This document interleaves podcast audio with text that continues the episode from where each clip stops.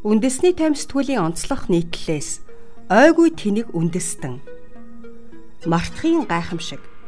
Монголчууд бид мэдээллийн гайхалтай боломжийн дунд аж төрж байна. Өөрөөр хэлбэл технологийн дэвшил, интернетийн хөгжлөөс үүдсэн олон боломжийн нэг нь мэдээллийн ил тод байдал, түүнд өгөх олон нийтийн хариу үйлдэл, анхаарал хандуулах үйл явц юм.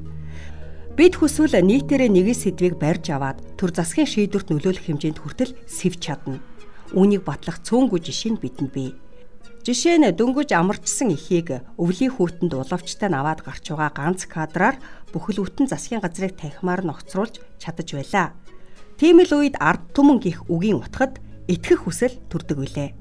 Гэвч өнөхөө хүчийг эзэмшдэг мөнөх ард түмэн гихч бол ихэнхдээ л хийх хоосон зүйл ердөөлнийг сэг зэмээр хоололдог амтас эсвээс дэгээнт өгөөш хэвэл өмгөөл мэдэх загас мэт шиг санагдана. Ингэж хэлхийн учир шалтгаан байна монголчууд бид ямар ч ноцтой чухал сэдвийг үсрээд л 2 3 хоног анхаарлынхын төвд барьж чаддаг.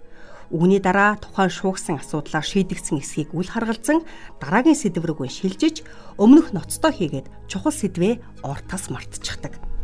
Ийм цикл үндэсний хэв шинж болтлоо хэвшжээ. Үгээрэн бид маш богино ой санамжтай үндэстэнгийн ангилалд тэрхүүлэх боллоо. Жишээлбэл бид ой санамжаараа загаснаас ялгаагүй гэсэн үг. Загасны ой санамж ердөөл 8 секунд үргэлжилдэг. Энэ нь өвөлт нь ямархан хор хөнөөл авчирдаг тухайд хэлэлтгүй. Наад зах нь дэгэнд өгөөш хийгээд шитгэд нэг өмхөж аваад урал амаа сэт татуулах боловч аюул занлыг хэдхэн хормын дараа мартаж орхиод өнөөх дэгээгээ дахиад л зуугаад авдаг. Түүнтэй адил монголчууд сэдвээс сэдвийн хооронд өгөөш өмхөх загас мэтэл амьдарцгаах боллоо. Богинохон ой санамжийнхаа харгаагаар загас амиа алддаг бол харин бид юуган алддаг вэ? Үүний хариулт нь бидний өнгөрсөн хугацаанд анхаарлаасаа алдаж орхисон сэдвүүд тэдгэрийн шийдэгдээгүй байдал. Үнэн дээр бид нийтээрээ сэвсэн асуудлаа нэг ч удаа шийдүүлж байсан түүх үгүй. Дээр жишээ татсан улавчтай ихийн жишээн дээр ч тэр шүү дээ. Тэрхүү сэдвийг нийтээрээ сэвж, эмзэглэж шаагалцсны гол учир нь засгийн газрыг огцруулах биш харин эрүүл мэндийн салбарт бухарсан хүнлэг бус хандлага сэтгэлгүй үйлчилгээ төрийн албаны болох хоцрогдсон байдал байсан. Гэтэл ард түмнэрээ шагшралтан шаагцсан тэрхүү алдаа дутагдал өнөөдөр засагдсан уу? Засагдаагүй. Бах байдгаараа л байгаа.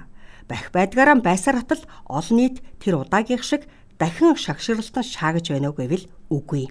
Ердөөл энэ юм. Бидний бодит байдал ийм альва сэвдийг ердөө нэг удаагийн шуугалдах шалтак болгож ашиглаад л болоо. Хамгийн аюултай нь үүнийхээ дараа нэг л их ханж цадсан мэт асуудал шийдсэн мэт ханамж авдаг. Нь хөлийн. Дахиад мөнөх асуудал нь хичнээн томоор сөхөгдөн босч ирсэн ч өмнөхшгэн тоож авч үзэхгүй.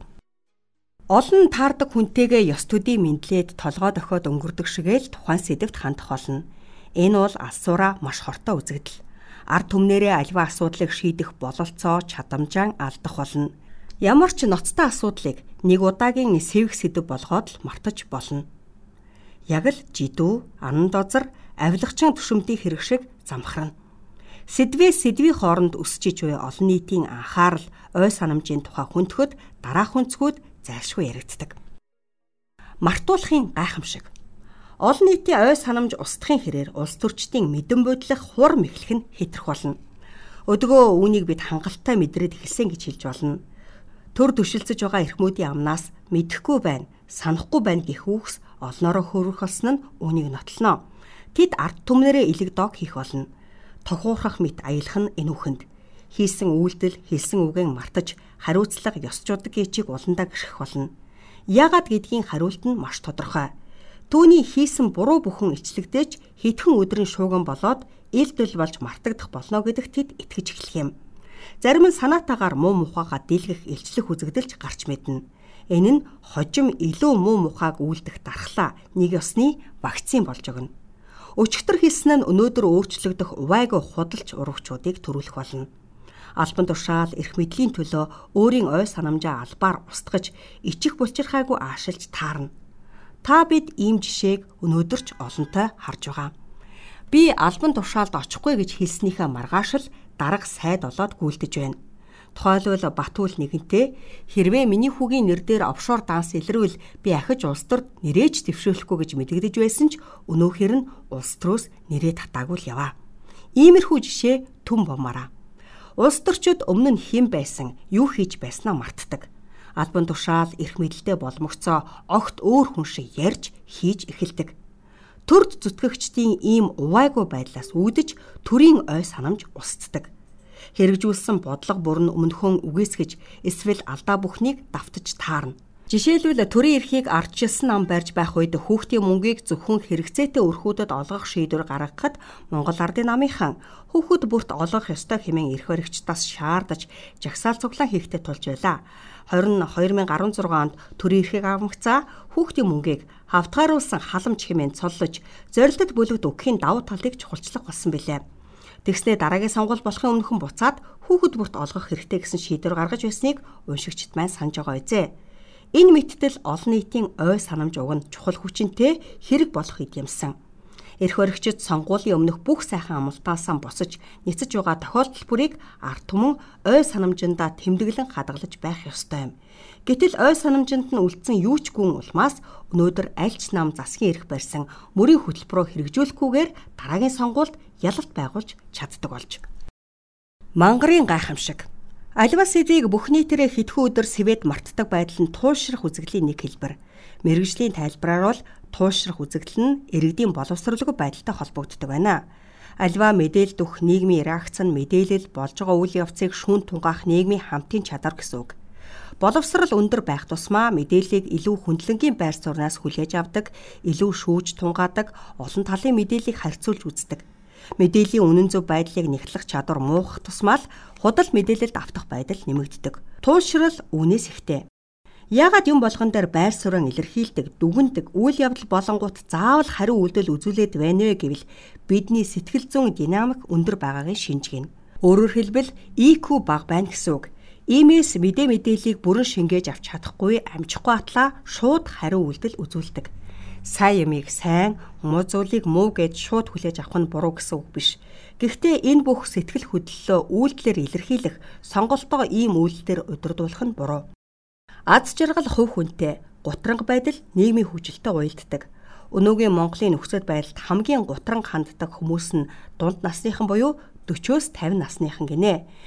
Нэг талаас нь харвал эдгээр хүмүүс хоёр системийн шилжилтийн үеийнхэн, нөгөө талаас дунд насны хямралд нэрвдэж байгаа бүлэг юм. Харин нийгэмд болж байгаа сөрөг үйл явдлуудад бага автдаг өөдрөг нийгмийн бүлэг нь залуучууд. Сошиал орчинд хүмүүсийн сэтгэл зүйд нөлөөлдөг маш олон мэдээлэл бий. Эдгээр мэдээлэл бодиттой юу, үгүй юу гэдгийг яг өнөөдрийн байдлаар ямар нэгэн институт тодтолсон зүйл алга. Улс төрийн баахан хэрэгүүд яригадаад л яваад л байдаг, шалгаж байна л гэдэг. Гэтэл эдгээрээс шүүхээр шийдэгдсэн хідвэ. Тухайн мэдээллийн мөрөөр 2 хоног цуурхаж бүх нийтээрээ шүүмжлэн торхилдсны хэрэг нь яг яаж гардаг вэ? Хариулт нь тунч бүрхэг. Үрдүн нь бараг л тэгтээ тэнцүү. Өнөөгийн нийгэм эмоц дээр суурлаад байгаагаас биш үрдүнд төвлөрөхгүй байна. Бидний хийж байгаа сонголт яг нарийн тооцоотой гэхээсээ илүүтэй ихтгэл үнэмшил эсвэл айдас дээр тулгуурлаж байгаагаас ийм нөхцөл үүсдэг байна. Хамгийн энгийн жишээгээр улс төрийн сонголтыг дурдж болно. Бид нэр дэвшиж байгаа хүн, намын хөтөлбөр, санал болгож байгаа бодлого тэдгээрийг хэрэгжих бодит боломж тэр хүний өмнөх намтар түүх амжилт алдааг нь судлан тооцож сонголт хийдгүй. Харин аль болох сошиал орчин болон бусад хэвлэл мэдээллийн хэрэгслэр явж байгаа хар бараан эсвэл гэрэл гэгээтэй мэдээлэл дундаас дүгнэлтийг хийдэг. Энэ бол бид сэтгэл хөдлөл дээр суйрлаж шийдвэр гаргаж байгаа илэрхийл юм. Өөрөөр хэлбэл Рационал сонголтын шалгууруудаа бид тодорхойлж чадаагүй байгаа учраас сэтгэл хөдлөлд суурилсан зан үйлээр сонголтоо хийгээд байна. Нөгөө талаас хүн сүргийн амтан гэдэг утгаараа нийгмийн хийм хэмжээг шууд хувь хүний стандарт болгодог. Энэ маягаар ямар ч рационал хүн байсан нэг мэтгэд нийтийн хийм хэмжээнд удирдагдаад явчихдаг. Нийгмээрээ нэг ямиг шүүмжлээд байвал тэр зүйл нь үнэхээр буруу юм шиг эсэргээрэн бултаараа цаашаагаад байвал үнэхээр зөв мэд хандлага ажиглагдаад байгаа. Бүр тодорхойлбол сошиал медиа гэсэн мэдээллийн том урсгалыг бид удирдах чадахгүй байна. Хаанаас ямар мэдээллийг яаж хүлээж авахаа удирдах чадхаа болсон. Ийм учраас энэ мэдээлэлдээ бид өөрсдөө удирдагдаад байна. Яагад гэвэл энэ сэтгэл хөдлөл төр дөрөөлөөд биднийг альва нэг сонголт руу түлхэж байгаа бүлэг хүмүүсийн ашиг сонирхолд хөтлөгдөх эрсдэлтэй болж байна гэсэн үг.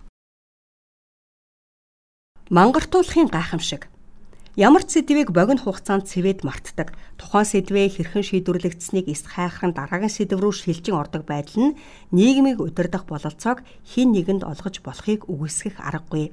Өөрөөр хэлбэл ард олныг сэдвээр дамжуулж удирдах бололцоо хэдийн өсжээ. Хэрвээ хэн нэгэн хүсвэл ард түмний анхаарлыг хаашин чиглүүлж ямар ч сэдвээс холдуулж ямар ч сэдв давтуулахыг сонгоно гэсэн үг л дээ. Энэ бол өнөөдөр Монголд өрнөж байгаа үйл явц. Энэхүү зорилгод үйлчилдэг олон нэр томьёогч бид мэдэх болсон. Тороолууд бол зөвхөн ийм зорилгын төлөө гарч ирсэн зүйл. Тэдний хийх үндсэн ажил бол сошиал орчинд өрнөж байгаа халуун сэдв, хурамч мэдээллүүдийг өрдөж, сэвж, үлээж, асааж, бодит хүмүүсийн сэтгэл хөдлөлдөр тулгуурлан хэрүүл тэмцэл өрнүүлж, хуаан талцуулах юм.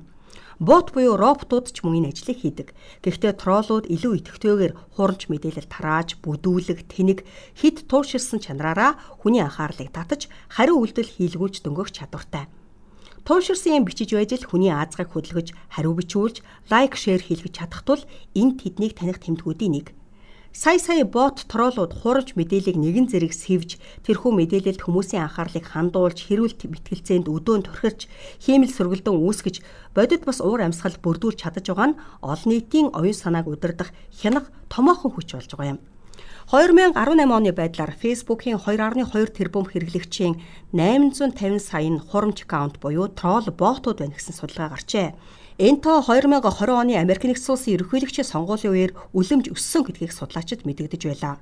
Facebook компани 2020 оны сүүлэр буюу ерөнхийлөгчийн сонгуулийн болон цар тахлын идэвхжлийн үеэр 35 мянган хүний удирдан ажилуулдаг 1.3 тэрбум хурамч аккаунтыг устгасан гэдгээ тайландаа дурджээ. Ийм нөхцөлд хинч сошиал орчинд сэдв буюу олон нийтэд зориулсан өгөөш бэлдэж чадах нь. Тэрхүү өгөөчийг сенсац гэдэг нэрээр нь хэрэглүүл уншигчдад илүү ойлгох байхаа. Хүсээгүй сэдв дээр нь олон нийтийн анхаарал төвлөрөөд байвал хин нэгэн дараагийн сенсацийг гаргаж тавьснаар өмнөх асуудал ор мөргөө мартагдах болно. Ердөө л ийм технологиор улс төр эдийн засгийн маш том хэрэгүүд улс төрчдтэй хариуцлага тооцох олон боломж устан алга болж мартагдаж оцсныг та харахгүй.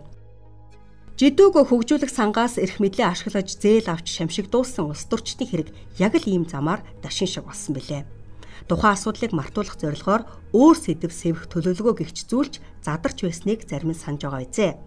Харин ихэнх нь дүрмийн дагуу мартаж орхисон баг. Эцэст нь хэлэхэд Монголын ард түмний ой санамжийг хэдхэн өдрийн настаа байлгах сонирхол улс төрчид эрх мэдлэлтнүүдэд үргэлж байсаар л болно. Аливаа асуудал ноцтой сэдвийг нэг удаагийн шуугаан дуулан болгоод өнгөрүүлдэг.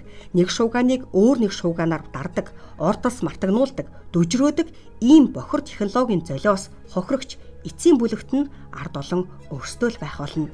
Ийм богино ой санамжтай гэдэг утгыг ташлуулбал бид ойгүй тэнэг үндэстэй юм.